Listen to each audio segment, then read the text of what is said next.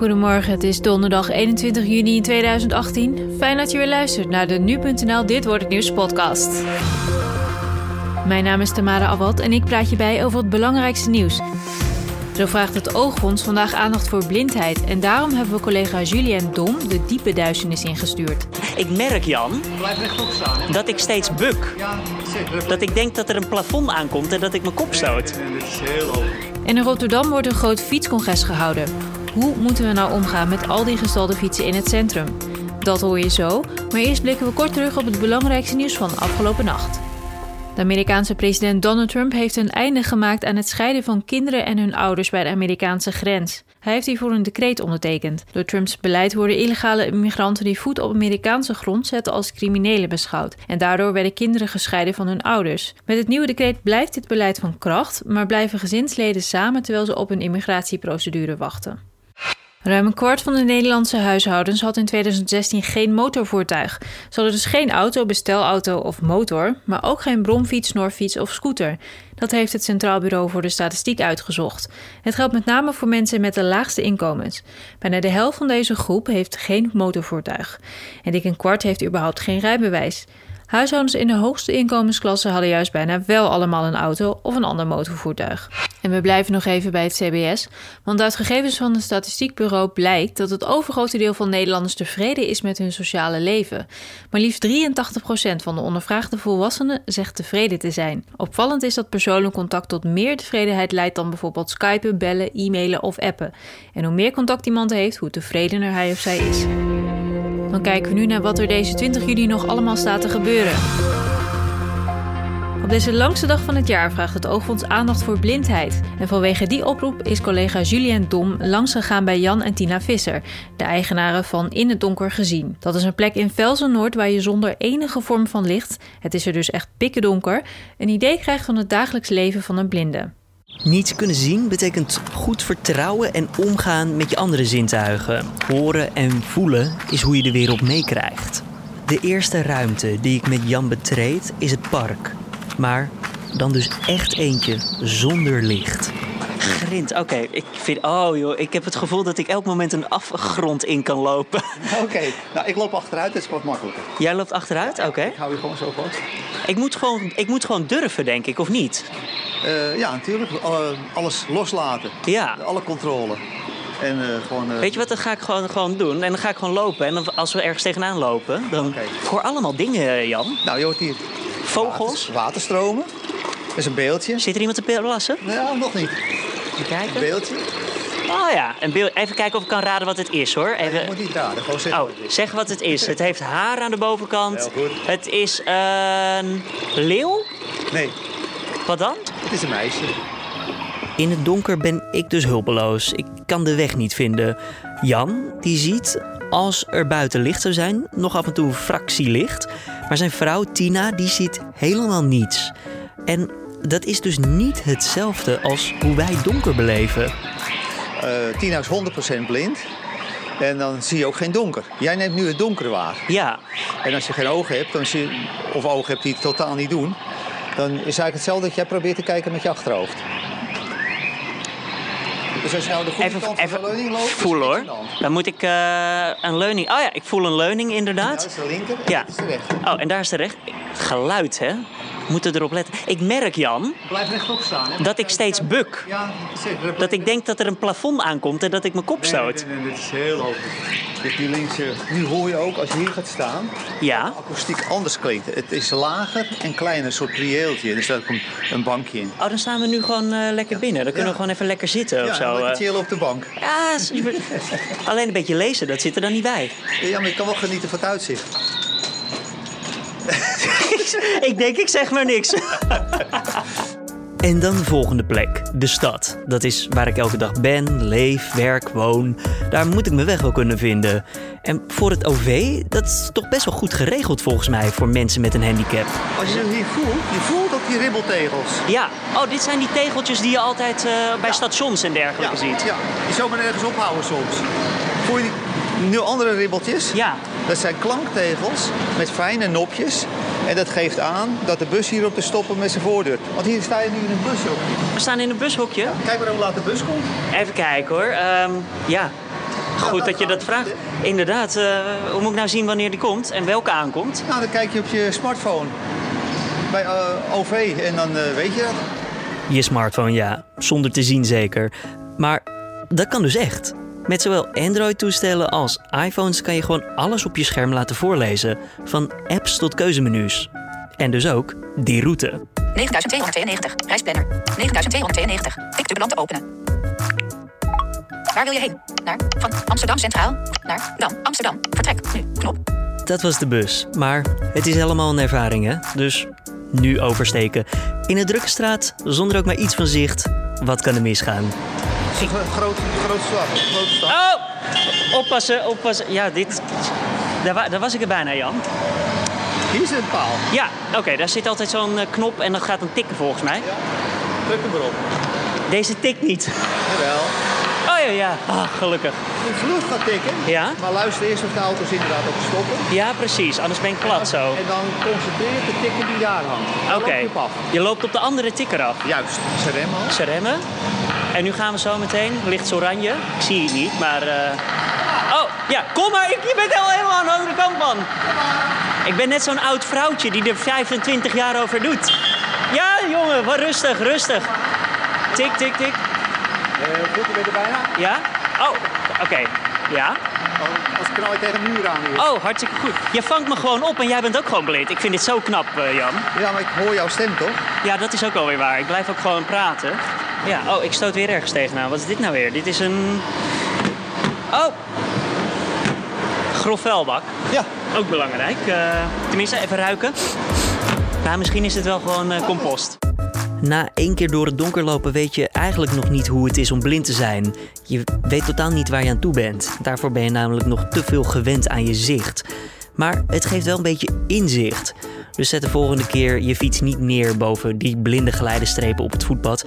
En vraag eens of iemand in de supermarkt die blind is misschien wat hulp kan gebruiken bij het pakken van wat boodschappen.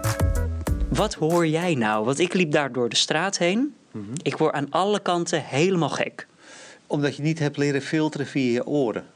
Jij hebt leren filteren via je ogen op straat. Want als je alles waar zou nemen eh, met je ogen, dan word je ook knettergek. Dus je kijkt selectief. Wij hebben geleerd selectief te luisteren. Ik geef wel eens het voorbeeld. Als jij op straat loopt en er zijn stratenmakers ergens bezig, maak je er niet eens notitie van. Je loopt gewoon door. Ja. Maar als ik een stratenmaker aan het werk hoor, dan gaan bij mij bijvoorbeeld de alarmbellen. Want dan kan ik een opbreking verwachten. Dus het is een heel andere manier van luisteren.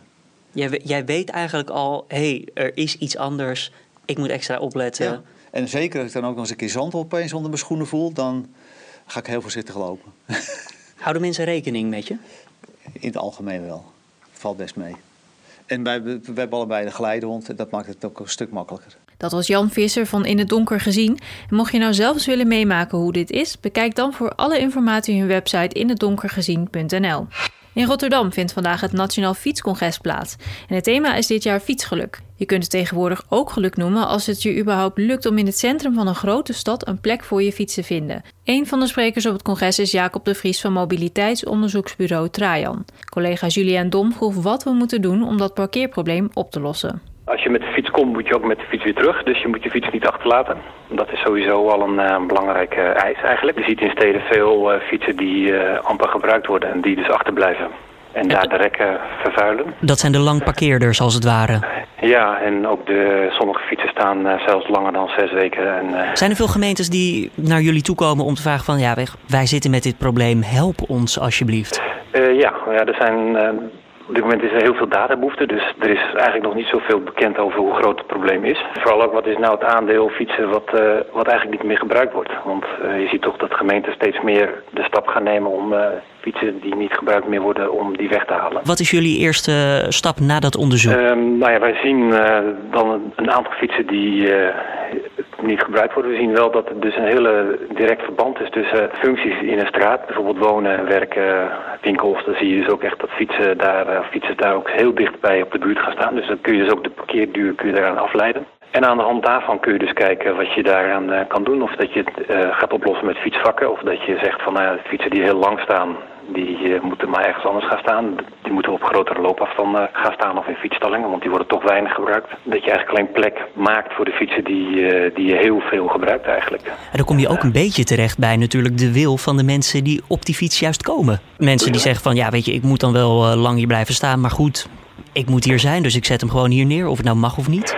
Ja, nee, dat klopt en dat mag natuurlijk ook. Er is op dit moment geen uh, regulering in die zin van dat je moet betalen voor waar je staat. Uh, en in de wet is ook geregeld dat je je fiets op de stoep moet zetten. Dus ja, dat, dat kan natuurlijk. Alleen op een gegeven moment is het natuurlijk wel een kwestie van welke keuzes je maakt. Dat je op de stoep moet je dus ook kunnen lopen. Invaliden moeten ook kunnen bewegen op stoepen. En als daar dus geen plek is, dan is het wel een kwestie van uh, ruimte maken. En nou, dan moet je dus keuzes maken. Wat is het belangrijkste dat u de mensen wil meegeven tijdens het congres? Uh, nou ja, dat het probleem van het fietsparkeren niet weggaat en dat het een, uh, een, echt iets is van een lange adem. Um, en dat het dus ook gaat, eigenlijk het autoparkeren achterna gaat. Er komt een tijd dat het zeg maar uh, ook het autofietsparkeren gereguleerd gaat worden. En met gereguleerd uh, bedoelt u betaald parkeren voor de fiets bijvoorbeeld? Dat er dus betaald parkeren of vergunning parkeren of dat er een chip aan een fiets komt of wat dan ook. Die tijd die uh, gaat komen. En op dit moment zie je dus eigenlijk dat gemeenten fietsgebruik stimuleren. Dus eigenlijk nog niet heel veel doen aan aan, zeg maar, aan, aan de zure kant van het fietsparkeren en vooral aan de, aan de honingkant, zeg maar. Dus dat men, veel, uh, dat men toch het fietsen promoot en uh, ook daar rekken voor creëert en plekken voor creëert en dat soort dingen. Maar ja, uh, op een gegeven moment, je hebt natuurlijk te maken met een beperkte ruimte en die moet je dus indelen. En die ruimte die is niet beschikbaar voor puur fietsparkeren. Daar moet je ook kunnen lopen, daar moet je kunnen zitten, daar moet je kunnen spelen. En dat op een gegeven moment is gewoon de ruimte op. Dus dan moet je gaan kiezen. Je hoorde zojuist Jacob de Vries van onderzoeksbureau Trajan. En dan onze dagelijkse WK-update. Deze donderdag wordt er ook weer gevoetbald. De eerste WK-wedstrijd van donderdag is Denemarken tegen Australië. Het teams in groep C starten om 2 uur. Frankrijk tegen Peru is het tweede duel van de dag en dat begint om 5 uur. Vervolgens komen s'avonds de spelers van Argentinië nog in actie. Zij nemen het op tegen Kroatië en de aftrap is om 8 uur. Elke dag vind je op nu.nl welke wedstrijden er gespeeld worden en natuurlijk ook het laatste WK-nieuws. Griekenland krijgt naar verwachting vandaag toestemming van de Eurogroep om na acht jaar miljardensteun op eigen kracht verder te gaan. In augustus loopt het Griekse steunprogramma officieel en definitief af. Daarna moet het land weer gewoon gaan lenen op de financiële markten. Om investeerders gerust te stellen, denken de geldschieters eraan om een grote buffer voor Athene op te tuigen. Ook blijft het toezicht op Griekenland. Het Openbaar Ministerie komt donderdag met de strafeis tegen de vader van de tienjarige Diego. Het OM verdenkt de man uit Dordrecht ervan dat hij zijn zoon vorig jaar heeft gewurgd. De man ontkent betrokkenheid en houdt vol dat hij s'avonds op de bank in slaap is gevallen, ochtends vroeg wakker is geschrokken en zijn overleden zoon heeft gevonden. De rechtbank in Den Haag doet uitspraak in de zaak tegen de 33-jarige Galit T. Hij wordt verdacht van ontucht met een destijds 13-jarig meisje. Het OM heeft 15 maanden cel geëist. T was tevens ex-directeur van een islamitische basisschool. Ook was hij voor de PvdA actief in de gemeenteraad van Gouda. De man zou het meisje via een seksadvertentie hebben leren kennen en vorig jaar augustus met haar hebben afgesproken. T zegt dat hij dacht dat het meisje meerderjarig was. En dit is waar de andere media vandaag over schrijven. De energiebelasting op aardgas moet de komende 12 jaar met zo'n 75% stijgen. De belasting op stroom moet daarentegen met de helft omlaag. Dit moet de aanschaf van elektrische warmtepompen financieel aantrekkelijker maken. De Volkshand schrijft dat deze verschuiving van energiebelasting vrijwel zeker wordt opgenomen in het klimaatakkoord. En dit akkoord moet er weer voor zorgen dat de uitstoot van broeikasgassen in Nederland voor 2030 met bijna de helft daalt. Ajax heeft een akkoord bereikt met voetballer Dusan Tadic. Volgens de Telegraaf staat de 29-jarige Servier op het punt om een contract voor vier seizoenen te tekenen. Tadic heeft aan zijn huidige club Southampton laten weten dat hij naar Ajax wil. De clubs moeten het nog wel eens worden over de transfer. En als het aan minister Sander Dekker voor rechtsbescherming ligt, mogen deurwaarders voortaan de poes en de laptop voor de kinderen niet meer in beslag nemen. Trouw meldt dat de minister donderdag met een wetsvoorstel komt waarmee het kabinet mensen in problematische schulden beter wil helpen. De huidige wet dateert uit 1838 en daarin staat dat de deurwaarder geen eerste levensbehoeften zoals bijvoorbeeld dekens, eten en kleding mee mag nemen. De wet wordt nu gemoderniseerd. En dan het weer van vandaag. De donderdag begint bewolkt met een kans op een bui. Later op de dag komt er meer ruimte voor de zon en neemt ook de kans op buien af, met uitzondering van het noorden van het land. Bij matige tot krachtige wind uit het noordwesten wordt het wel een stuk koeler dan eerder deze week. De maxima liggen maar tussen de 15 en 18 graden. En dan nog even dit. De bekende personages uit de Fabeltjeskrant staan dit jaar op de kinderpostzegels. Het is een eerbetoon aan de televisieserie die 50 jaar geleden voor het eerst is uitgezonden. Met de zegels halen basisschoolleerlingen elk najaar geld op voor kinderen die het minder goed hebben getroffen. Net als de jaarlijkse kinderpostzegelactie is de Fabeltjeskrant cultureel erfgoed en echt Nederlands. Wie is er niet mee groot geworden? Al dus Jeroen den Tekst, de directeur van de stichting Kinderpostzegels. Dit was dan de Dit Wordt Het Nieuws podcast voor deze donderdag 21 juni. En je vindt de podcast maandag tot en met vrijdag om 6 uur ochtends op de voorpagina van nu.nl. Vond je dit een goede podcast of juist helemaal niet? Laat dan eens een recensie achter op iTunes of een andere podcast-app. Je kunt ook mailen naar redactie.nu.nl. En voor nu, tot morgen.